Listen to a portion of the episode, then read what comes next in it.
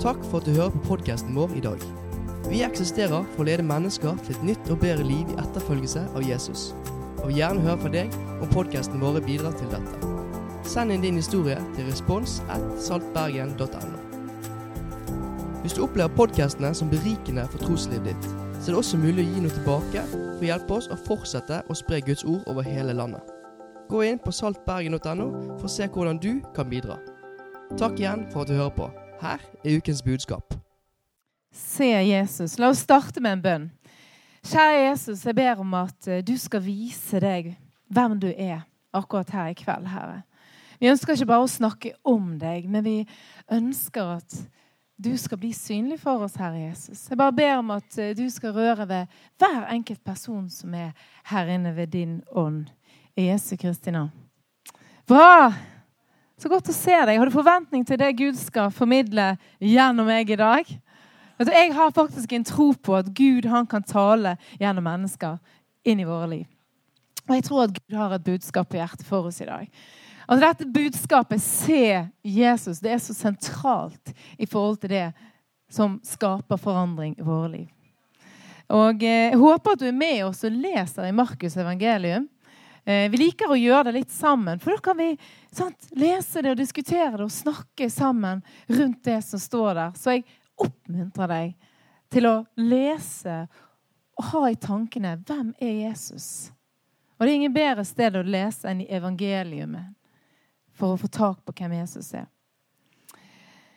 Her møter vi både Jesus, hvem han er, miraklene som han gjør. Det er jo helt utrolig hva han gjør, hvordan han møter mennesker. Og vi ser han møter utrolig mange forskjellige mennesker, sånn som vi er her inne i dag. Han møtte folk som eh, eh, ja, sant, Disiplene sant, de kjenner jo vi litt. Sant, de var tett på. Vi møter fariseere, som var de skriftlærde den tid, som var veldig opptatt av at Jesus forholdte seg til skriftene som han skulle. Men vi møter også de syke. Vi møter demonbesatte. Tenk at det står mye om det i Bibelen. Og I Markus' evangelium så er det veldig fokus på ikke bare hva Jesus gjorde, men hvilken respons var det disse menneskene ga til Jesus. Hvem sa de egentlig at han var? Og Det er vel egentlig det som henger igjen hos oss. Hvem sier vi at han egentlig er?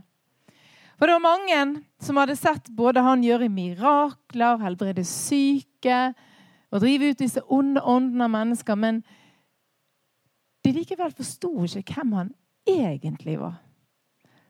De hang med, for det var jo spennende å følge med på alt det Jesus gjorde. Altså Folk da var akkurat sånn som folk i dag. Vi liker å være der det skjer. Og Jeg kan nesten se for meg disse menneskene som da ikke hadde verken Netflix eller Instagram eller mobiltelefoner å la seg underholde med. Det kommer en mann som helbreder mennesker, så fulgte folkemengdene med. Og midt i dette så står Jesus frem, annet i denne teksten vi skal lese i dag, midt i folkemengden med alle disse forventningene. Og det er akkurat som du hører de si 'Vi vil se mer! Gjør noe enda kulere, Jesus!' Men midt i det så kommer Jesus med et veldig annerledes budskap enn kanskje de hadde forventet. For Jesus han kom ikke for å imponere mennesker. Han kom ikke for å klø dem i øret og stryke den rette veien. Mange hadde forventninger til at Jesus skulle komme og revolusjonere. Sant? De trengte jo en som skulle befri dem, en Messias som skulle kjempe deres sak. Sant? Men Jesus kom med en helt annen hensikt. Mens mange forventet en ytre revolusjon, egentlig, så representerte Jesus en indre revolusjon. Og her er hemmeligheten i Guds rike. For folk på den tiden målte gjerne sin religiøsitet ut ifra de ytre gjerningene. Hvordan de lyktes å holde alle disse renselseslovene og alt mulig som var av forskrifter. Men det Jesus gjør, det er han åpner opp den indre verden hos oss mennesker. Så belyser han hva som er der inne. Han sa sånne ting som f.eks. at 'jeg ser at dere priser meg med leppene deres', men hjertene deres, det er langt borte. Han sa bl.a. i Markus 7 at det som går ut fra et menneske, det gjør mennesket urent. Altså ikke det mennesket gjør, men det som går ut fra mennesket, gjør mennesket urent. For innenfra, fra menneskehjertet, kommer de onde tankene. Det var et nytt fokus. Der inne finnes hor, tyveri, mord, ekteskapsbrudd, grådighet, ondskap, svik, utskeielser, misunnelige øyne, sport, hovmod, vettløshet. Grusomt tenker du på en søndag og begynner å liste dette. Men dette er menneskets problem. For inni mennesket så finnes det en synd som Gud ønsket å nå inn til. Gud ønsket å skape en indre revolusjon i mennesker som ikke handlet om at de skulle forbedre eller skulle endre måten de gjorde ting, men at de skulle bli møtt med en Gud som forandret deres indre. Og det er det Markus' evangelium handler om. Vi kan lese det i profeten Esekiel. Hvis du tar et lite tilbakeblikk, så var det en del profetier som peker frem mot Jesus og det budskapet han hadde. Og I Esekiel så står det at 'jeg gir dem et annet hjerte'. Og en ny ånd gir jeg inni dem. Jeg tar vekk steinhjertet. Egentlig det vi beskrev her. sant? Jeg tar det ut av kroppen deres og gir dem et kjøtthjerte i stedet. Slik at de kan følge mine forskrifter. For det er det som er innenfra, som preger et menneske. Et menneske kan ikke endre seg bare pga. sine gjerninger. Og Jesus' agenda var å forvandle også menneskene av sin tid innenfra. Gjennom å sette mennesker fri fra den synden som plaget dem. Gjennom sin død og sin oppstandelse. Er ikke det gode nyheter? Men jeg har bare lyst til å ta denne konteksten også inn i det, det vi skal lese i dag. For det er i lys av dette at Jesus også snakker om jordsmonnet. Fortellingen om såmannen som var ute og sådde såkorn i jorden. Det er fortellingen, fortellingen om Guds rike i menneskene. Det var ikke det ytre riket, men det indre riket. At Gud skulle komme og skape sin verden, sitt rike, inni meg og deg. Og, eh, og han sier det at 'hør'. Det er akkurat som han står der midt i, i folkemengden. Han måtte til og med gå ut i en båt, for det var så mye folk. Han roper inn når han sier dette. Hør, liksom! Dere som har ører å høre med, hør! Det som han sier, at hør hvem jeg egentlig er. Hør hva jeg sier! Og så sier han disse ordene som jeg skal lese til dere. Men jeg har lyst til å bare bruke en illustrasjon, så må dere gi meg et lite sekund på å flytte frem disse tingene. Ok, Nå fikk jeg vist litt muskler til dere. Utrolig bra. Men er ikke dette bra når vi har litt visuelt? For de som hører på podkast, har vi tatt frem fire skåler med tre, nei, fire ulike jordsmonn. Og ut ifra det så skal jeg lese teksten fra Markus 4. Hør, sier Jesus. En såmann gikk ut for å så. Og da han sådde, falt noe ned ved veien, og fuglene kom og tok det. Her ser du. Dette er veien, for den er veldig hard. Det, dette er illustrasjon på veien. Men noe falt på steingrunn, hvor det var lite jord. Og det skjøt straks i været fordi jordlaget var tynt. Men da solen steg, ble det svidd og visnet, fordi det ikke hadde fått noe rot. Noe falt blant tornebuskene. Og tårnebuskene vokste opp og kvalte det, så det ble ikke noe frukt. Men noe falt i god jord. Det skjøt opp og vokste og bar frukt. 30, 60 og 100 ganger det som ble sådd. Og han sa, 'Den som har ører, hør'. Alle disse menneskene står jo der og hører hva Jesus sier, men forstår de hva han egentlig sier? Det er først etterpå Jesus sitter seg ned med disiplene, og de begynner å snakke litt mer sammen. Hva var det egentlig dette betydde? Jesus snakket bare i lignelser. Men når de sitter der, så sier Jesus til dere som sitter her, disipler, dere som har sittet igjen, jeg skal fortelle dere det er en hemmelighet i teksten som jeg har delt. Og til dere er hemmeligheten om Guds rike gitt. Og så begynner han å forklare hva denne teksten betyr. Dette er veien.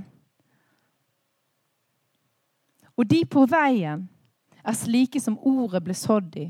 Når de hører det, kommer straks Satan og tar bort ordet som ble sådd i dem. OK. Såkornet er ordet. Og her kan til og med Satan komme og ta det. Det er ganske heftig. På samme måte er det med det som ble sådd på steingrunn. Det er de som straks tar imot ordet med glede, med, eh, med glede når de får høre det. Men de har ingen rot og holder ut bare en liten tid. Hm. Når vi møter motgang eller forfølgelse for ordets skyld, faller de straks fra. Andre igjen er de som, det som blir sådd blant tornebuskene.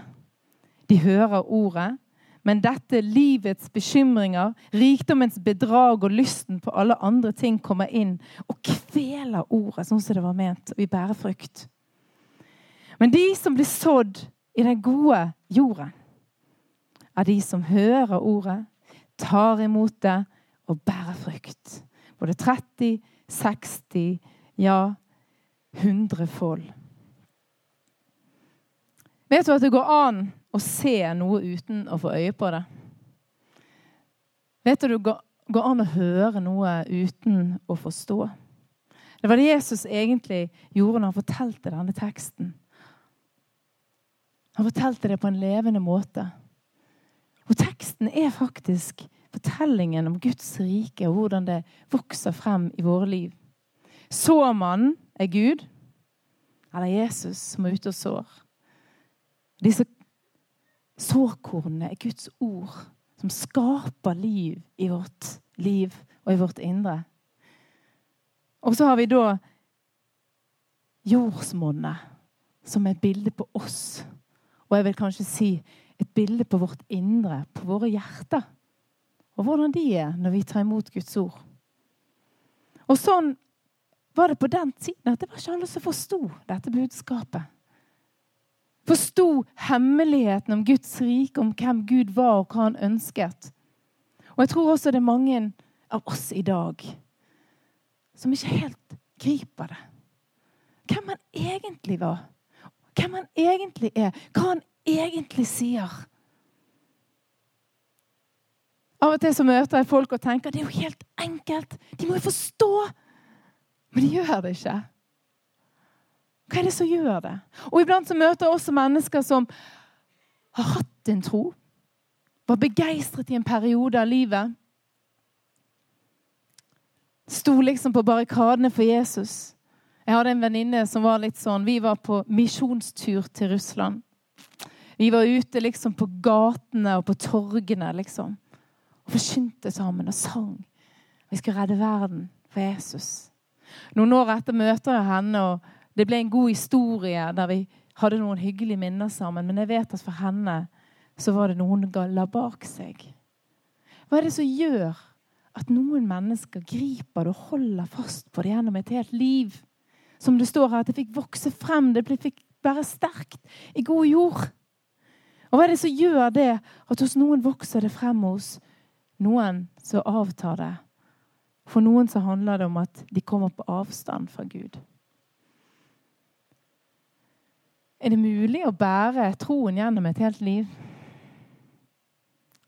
Går det an at den vokser seg sterkere med tiden? Hva er egentlig hemmeligheten i Guds rike i oss? Jeg har en venninne som eh, har en bestefar som lå for døden.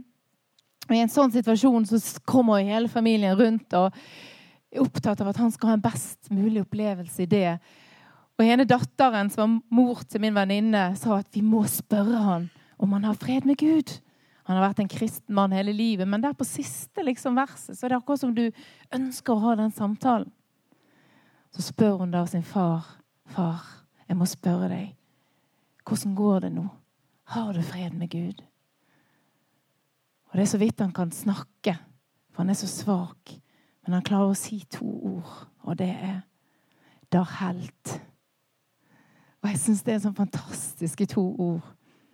'Der helt. Det holder. Det bærer. Det som jeg har sådd i mitt liv, den ligger på dødsleiet, så bare sier jeg Det holder. Og det ønsker jeg at jeg også kan si den dagen. At jeg hadde et helt liv der jeg fikk lov å ta med meg Jesus. Og helt til den dagen jeg dør, så skal jeg si 'da helt'. Jeg tror jeg må ta det på det, den dialekten også, blir det ekstra bra. Men vet du hva? Jesus ønsker å forankre i oss en tro som bærer gjennom livet. Sant? Så når jeg møter Henrikke om 50 år, Henrikke, sant? da er du liksom snart 80 Så tenker jeg at vi skal liksom si at ja, men 'Husker du hvordan det var?' Men husker du hvordan det er nå? Alt vi har fått oppleve. Alt vi har sett Gud har fått gjort i vårt liv. Og vi kan glede oss til det som venter oss også på andre siden. Tenk vi kan leve trygg i troen og oppleve at han vokser gjennom livet. Vi skal videre se på noen av barrierene for Guds ord måte, og hans fremvekst i våre liv. Hva er det som gjør at det på en måte ikke får vokse som, det, som Gud ønsker?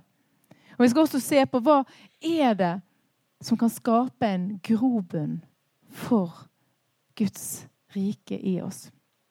Jeg skal begynne med barrierene, for det er veldig tydelig i denne teksten. Jesus setter mye fokus på disse barrierene. og Han begynner med denne veien, eller denne sammentrykkede jorden som har blitt til en sti, som er så hardt på overflaten at ingenting trenger igjennom. Har du sett sånn jord før? Kanskje ikke så mye nå Bergen, for det regner jo hele tiden her. Men sånn, liksom, hvis du har et sted der det vært tørt kanskje også det er liksom sammen, Du får ingenting inn der. Ikke et frø som blir sådd, vil gi noe frukt. Og det står der at umiddelbart kommer den onde og tar det og røver det fra dem. Hva er det han mener her? Jeg tror den første barrieren handler om harde hjerter. Jesus snakket en del om harde hjerter i Markus. Han så på fariseeren og så sa han det at jeg, han var bedrøvet når han så deres harde hjerter, står det. I Markus 3,5 så står det at da så han på dem som sto omkring, harm og bedrøvet over at de hadde så harde hjerter. Det var på sabbaten, og Jesus møter en mann med en vissen hånd. Og Istedenfor å tenke på mannen, så tenker fariseerne selvfølgelig på at du må ikke gjøre en mirakel på en sabbat. Og da bare sier han dere har ikke skjønt noen ting. Jeg er jo kommet her for å vise Guds rike. Så tar han denne mannen i hånden så sier han, 'Rekk frem hånden din'. Og mannen gjorde det, og hånden ble frisk. sant? Jesus han reagerer virkelig sterkt på fasade og ytre religiøsitet. Det er noe du finner her i evangeliene. Vi ser at han adresserer det ved flere anledninger. Regler, egenrettferdighet gjør det vanskelig for Guds ord å trenge igjennom. Våre gjerninger som skal fikse det, stopper for Guds rike i vårt liv. Min mor hun eh, spurte Gud litt sånn Hvordan kan jeg begynne å tro på deg? Og Hun sendte et kort til en, en venninne hun trodde var kristen, der hun skrev kan du hjelpe meg? Hva må jeg slutte med for å bli en kristen? Og Hun husker ennå at hun tenkte jeg håper det ikke vil koste meg maskaraen min. Den er god. Men vet du hva? et sånn type gudsbilde preger mange mennesker. Og kanskje her inne også. Du er preget av et gudsbilde av en streng Gud som forventer at du skal levere dine gjerninger, dine dyder. Og hver gang du har gjort noe galt, så går du med dårlig samvittighet. Et sånt gudsbilde hindrer Guds rike å vokse frem i oss. Det er akkurat som det bare støter fra. Men hardhet kan også komme fra andre ting. sant? For at Kanskje et skall man har laget litt rundt livet sitt pga. at man er blitt skuffet. At det Gud sa, det skjedde ikke. Han hørte ikke min bønn. Så hardner vi våre hjerter. Eller så er det rett og slett bare det at vi møter på stormer i livet som gjør at vi vi blamer Gud, og kanskje føler vi oss bitter. Eller kanskje er det rett og slett bare likegyldighet. Kanskje det er sånn som noen av de menneskene som var rundt Jesus. Altså de, de, de, gikk jo ikke inn, for de skjønte jo ikke hvem han var. Og Når vi ikke ser Jesus, forstår hvem han er, så vil også de ordene som tales, veldig lett prelle av. Så en barriere er harde hjerter, står det i denne teksten. En annen barriere, barriere det er overfladiskhet. Du vet hva det ordet betyr? Være overfladisk. Det er liksom sånn Tenk å være overfladisk. Nei, det, det smaker ikke godt, men ofte så er vi det.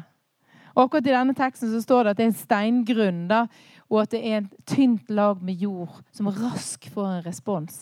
Det, det kommer noe, noe, frø ned, og det vokser opp, men det er så lite jord at det, når solen kommer, så bare brenner det vekk.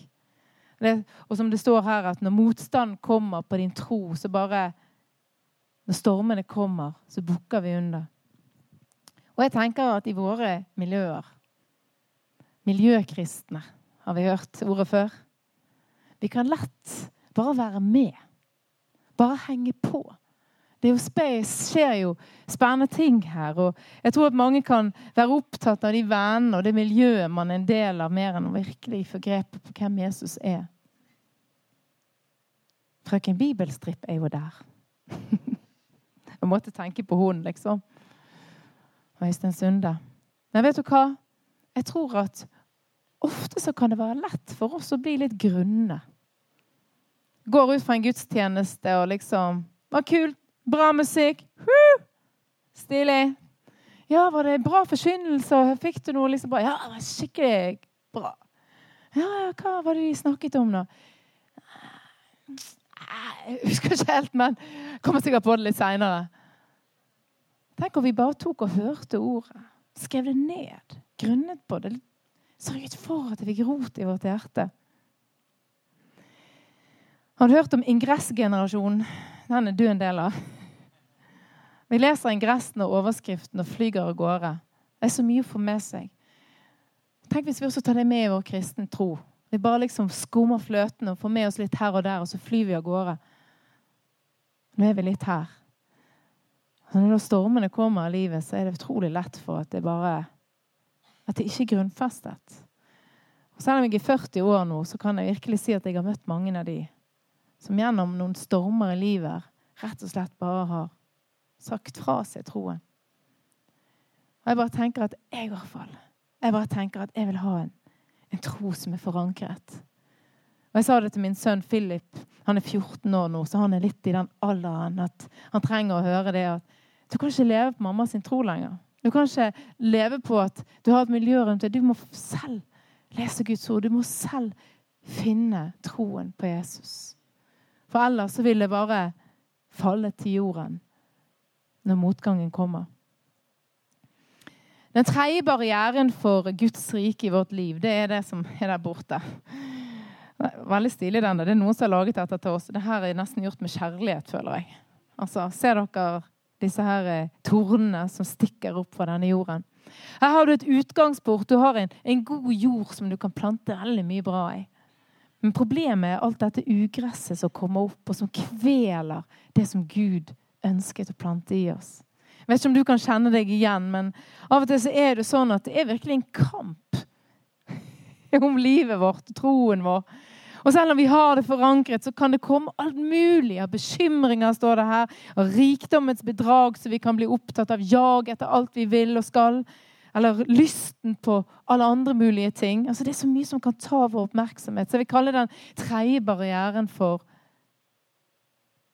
alt det andre. Eller kanskje fokuset på meg selv. Vi mister fokuset på Jesus og blir opptatt av det rundt oss og bekymra. Rick Warren han sa det sånn at uh, det finnes en kamp om Guds rike i deg. Og det er tre fiender. Det er verden, det er den onde, og det er deg selv. Verden omringer deg. Den onde angriper deg. Og i deg selv så vil du finne den indre kampen. Så oppmuntrende nok sagt det finnes en kamp i ditt liv om Guds rike. Jeg ønsker å kvele alt det som Gud planter inn. Bekymring, motløshet Alt dette andre. Og det kan være i ditt liv. Jeg hadde en eh, en opplevelse for et par år siden. Vi hadde vært i Spania på ferie. Og vi hadde et veldig godt fremtidsutblikk for høsten og kjente at Gud er god. Han har så mange gode velsignelser for oss. Så kommer vi i en situasjon der når vi skal dra hjem, så har Philip utgått pass. Og det er jo selvfølgelig Øystein sin grunn. Men i alle fall så blir de værende igjen i Spania. Det blir jo ikke billig. Så kommer jeg hjem alene på kvelden, gå ned i kjelleren, og der er det oversvømmelse. Jeg må dra liksom svære teppet fra gulvet. Alle Det er ganske stort rom, faktisk. Alle skoene måtte ut, inn på vaskerommet med det. Det er kaos. Og jeg bare svettet. Og, og nå måtte vi få vasket en del av de tingene som også hadde blitt litt eh, skadet her. Og så plutselig virker ikke vaskemaskinen. Er det mulig? Og så prøver jeg å stresse med å få ut en sånn greie, så knekker han. sant? Så må du bestille ny. sant? Og når jeg står der i min frustrasjon en dag, så er hele strykebrettet overloadet, så det faller ned. Sant? Og du får det rett på foten. det er sånn det er sånne der grusomme øyeblikk der du liksom kjente at det var en kamp om den velsignelsen og det gode du kjente i livet ditt. sant? Og akkurat der så var det Ja. Det var, det var, ikke så mye fred akkurat der og da. Men jeg tenker at det er kanskje bare et lite bilde på alt det som kan skje. Dette var en uskyldig eksempel, men kanskje du i ditt liv har mer alvorlige ting som kommer frem. Der du lurer på hva er det med Gud? Kunne ikke han bare hindre denne vannlekkasjen? Han vet at jeg ikke 50 000 å bruke på dette her. Eller kanskje du sitter med ting du tenker Hva i all verden er det Gud gjør?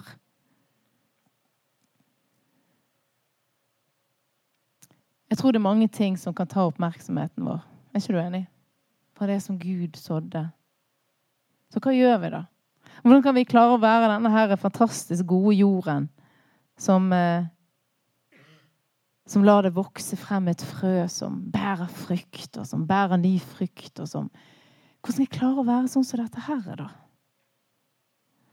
Jeg vet ikke om du har tenkt på det spørsmålet, men jeg vil jo bare si at det finnes For å bare forsterke utfordringen Det finnes både god jord og dårlig jord. vet du det? Jeg har lest faktisk litt om jord akkurat nå når jeg forberedte meg. og Det er ganske mange elementer som skal være på plass i jorden for at det skal funke. Sånn, det skal også for at det skal faktisk gro, så må det også ha rett mengde med vann, ikke for mye. Sant? Det må være, eh, liksom, det må være varme, det må være lys. Alle disse tingene er helt avgjørende for at det faktisk skal vokse inni her òg. Man kan jo kjenne nesten prestasjonsangst. Skal jeg stå for dette her, Gud? Hvordan skal jeg klare å være en sånn jord? Hvordan kan mitt indre være mottagelig på den måten? Hvordan kan jeg ta imot og jeg syns det var godt skrevet en, en forfatter som heter Gro Dahl. Hun sa det sånn at eh, Hvor skal dette vannet komme fra? Hvordan skal jeg kunne finne denne solen? Og hvordan skape den, den varmen som er, som er, nødvendig, for et spirekraftig utvikling? Jeg har jo ingenting å tilby et frø. så det var så godt sagt. Jeg har jo ingenting å tilby et frø. Så jeg liksom klar å få noe til å vokse. Og Jeg tror at vi kan kjenne oss litt igjen der på den frustrasjonen rundt det å være liksom mottagelig for det Gud vil i livet vårt. Og det er kanskje umulig for oss å kontrollere sammensetningen av varme, av lys, av fuktighet, som skaper det grobunnet. Men det her såmannen kommer inn. Husker du han fra fortellingen? såmannen som var ute og som plantet frøene. En såmann må jo være opptatt av jorden som han dyrker såkornene i. Tror ikke du det? At Jesus han er faktisk opptatt av den jorden. Det er ikke sånn at han bare slenger ut tilfeldig. En såmann er jo opptatt av å forberede jorden. Og her er hemmeligheten, folkens. Følg med. Det er her Jesus kommer inn og forandrer vårt indre. Husker du hva jeg leste? Jeg gir dem et annet hjerte en ny ånd gir jeg inni dem.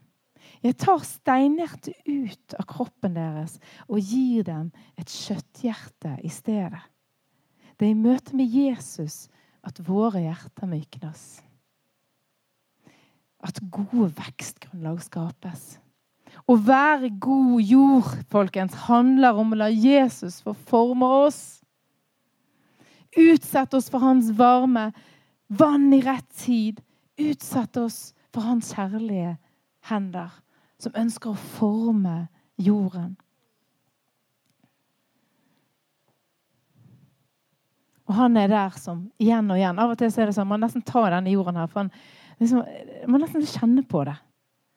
Altså Når Gud han, han forbereder Jesus han forbereder den jorden som er i vårt hjerte, så må han av og til plukke ut litt forskjellig. og så, så vet Du du må ha ganske bra bevegelse i jorden. Sant? Du må skifte litt sånn posisjon så du får nok luft. Men Jesus han er her, og han ønsker å være tett på. Så det er en helt avgjørende faktor. At Vi skal ikke prøve liksom å streve med å ordne denne jorden i vårt liv, hvis du skjønner bildet. Vi skal bare få lov å invitere han inn til å røre ved oss. Som Anna, som jeg har skrevet om i boken 'Bro til tro', som vokste opp i et hjem. Hun hadde ingen tro på Gud, selv om hennes familie var kristne. Og hun sa det at eh, mine foreldre visste ikke egentlig at jeg ikke var kristen, men jeg hadde ingen tro på innsiden. Men en dag så var hun en venninne som trodde veldig mye. Og Hun gikk på jobb og la igjen Bibelen på bordet, og det endte med at Anna begynte å lese Bibelen. Og i det så begynner det å skje det som skjer når Guds rike kommer. Hun skriver, Det står akkurat sånn som dette i boken. Jeg har bare lyst til å lese det for deg. For det står det at jeg tok med Bibelen overalt og fortsatte å lese. Jeg merket at det skjedde noe med meg. Jeg kjente at stresset forsvant fra kroppen. Det var som jeg rettet meg opp i ryggen. Jeg kunne puste lettere. Tankesettet endret seg. Og jo mer jeg leste, jo mer trodde jeg på det. Når Guds ord kommer inn, når vi får et møte med Jesus, så forandrer perspektivene seg. Da møter han også våre harde hjerter, der vi tror vi må prestere og få til og mestre. Så kommer han, og så kurerer han det ved å bare komme i sine hender. Og så møter han oss, og så forandrer han oss fra innsiden ut. Han tar bort synden. Tenk på det. Han frigjør oss fra synden vår. Han tilgir oss. Han gjenoppretter oss. Og han møter også oss i vår overfladiskhet. sant? Hvis du, hører, hvis, du, hvis du, snakker med noen og de ikke hører godt etter, hva sier du da? Se meg i øynene. Det sier jeg til mine barn. Ja, ja, ja. Se meg i øynene. Si det en gang til. Når jeg ser deg i øynene. Overfladiskhet møtes når vi ser Jesus i øynene. Når han møter oss, vet du, så begynner vi å lytte på en ny måte. Når vi skjønner hvem han er. Og Jesus han ser oss i øynene. Charlotte Rørt har jeg snakket om et par ganger. Hun reiste til Spania og fikk et møte med Gud. Hun hadde ingen erfaring med Gud mer som en religiøs figur. Men hun opplever å møte Jesus, og hun sier Plutselig så står han der. Hun har skrevet en bok om dette da jeg møtte Jesus. Underlig, sier hun. Det er som han kjenner meg. Hvert et gram. Han kan se gjennom alt. Og han liker meg likevel. Er ikke det flott? Han liker meg likevel. Gud, selv om han ser all denne her røsket her som vi har i våre liv, vet du, så liker han oss. Men så begynner han å kanskje røre litt ved det. Så plukker han vekk Nå roter han veldig, for de skal rydde etterpå. Så plukker han vekk noe av det som stikker opp, og bekymringen. Og når vi kommer til Han, når vi kommer til Han midt i det vi har, og sier 'Jesus, du ser at jeg trenger deg', så kommer Han, og så rører Han ved øre hjerter. Og jeg tenker også at når vi er i et miljø sånn som dette, og vi velger å komme til gudstjeneste og la Guds ord få røre oss, så vil Han også mykne oss og minne oss på, så at vi alltid kan gå videre med en overbevisning om at Guds rike vokser i oss. Av og til er en lite blikk nok når du sitter i bilen på vei til jobb eller skole, eller når du sitter foran peisen med tekoppen ditt. Et blikk på Jesus. Jesus, du ser de tingene i mitt liv. Akkurat nå kommer jeg til deg. Rør ved mitt hjerte. Vi synger 'Gud, vekk opp mitt indre'. Gud, rør ved oss. Du er, you are alive in us. La de ordene bety noe for deg. La de få treffe hjertet. La vår lovprisning ikke bare være på våre lepper, men la det være fra våre hjerter. skal vi ta og reise oss opp. Jeg tror du har forstått eh, bildet her. Og jeg har bare lyst til å oppfordre deg til å ta imot. Og Det som egentlig sier, Jesus sier, det er at legg fra deg strevet, og la meg få møte deg. Og det var Guds rikes hemmelighet. At han kom ikke med noen nye bud, men han kom med et levende budskap som forandrer menneskene fra innsiden og ut.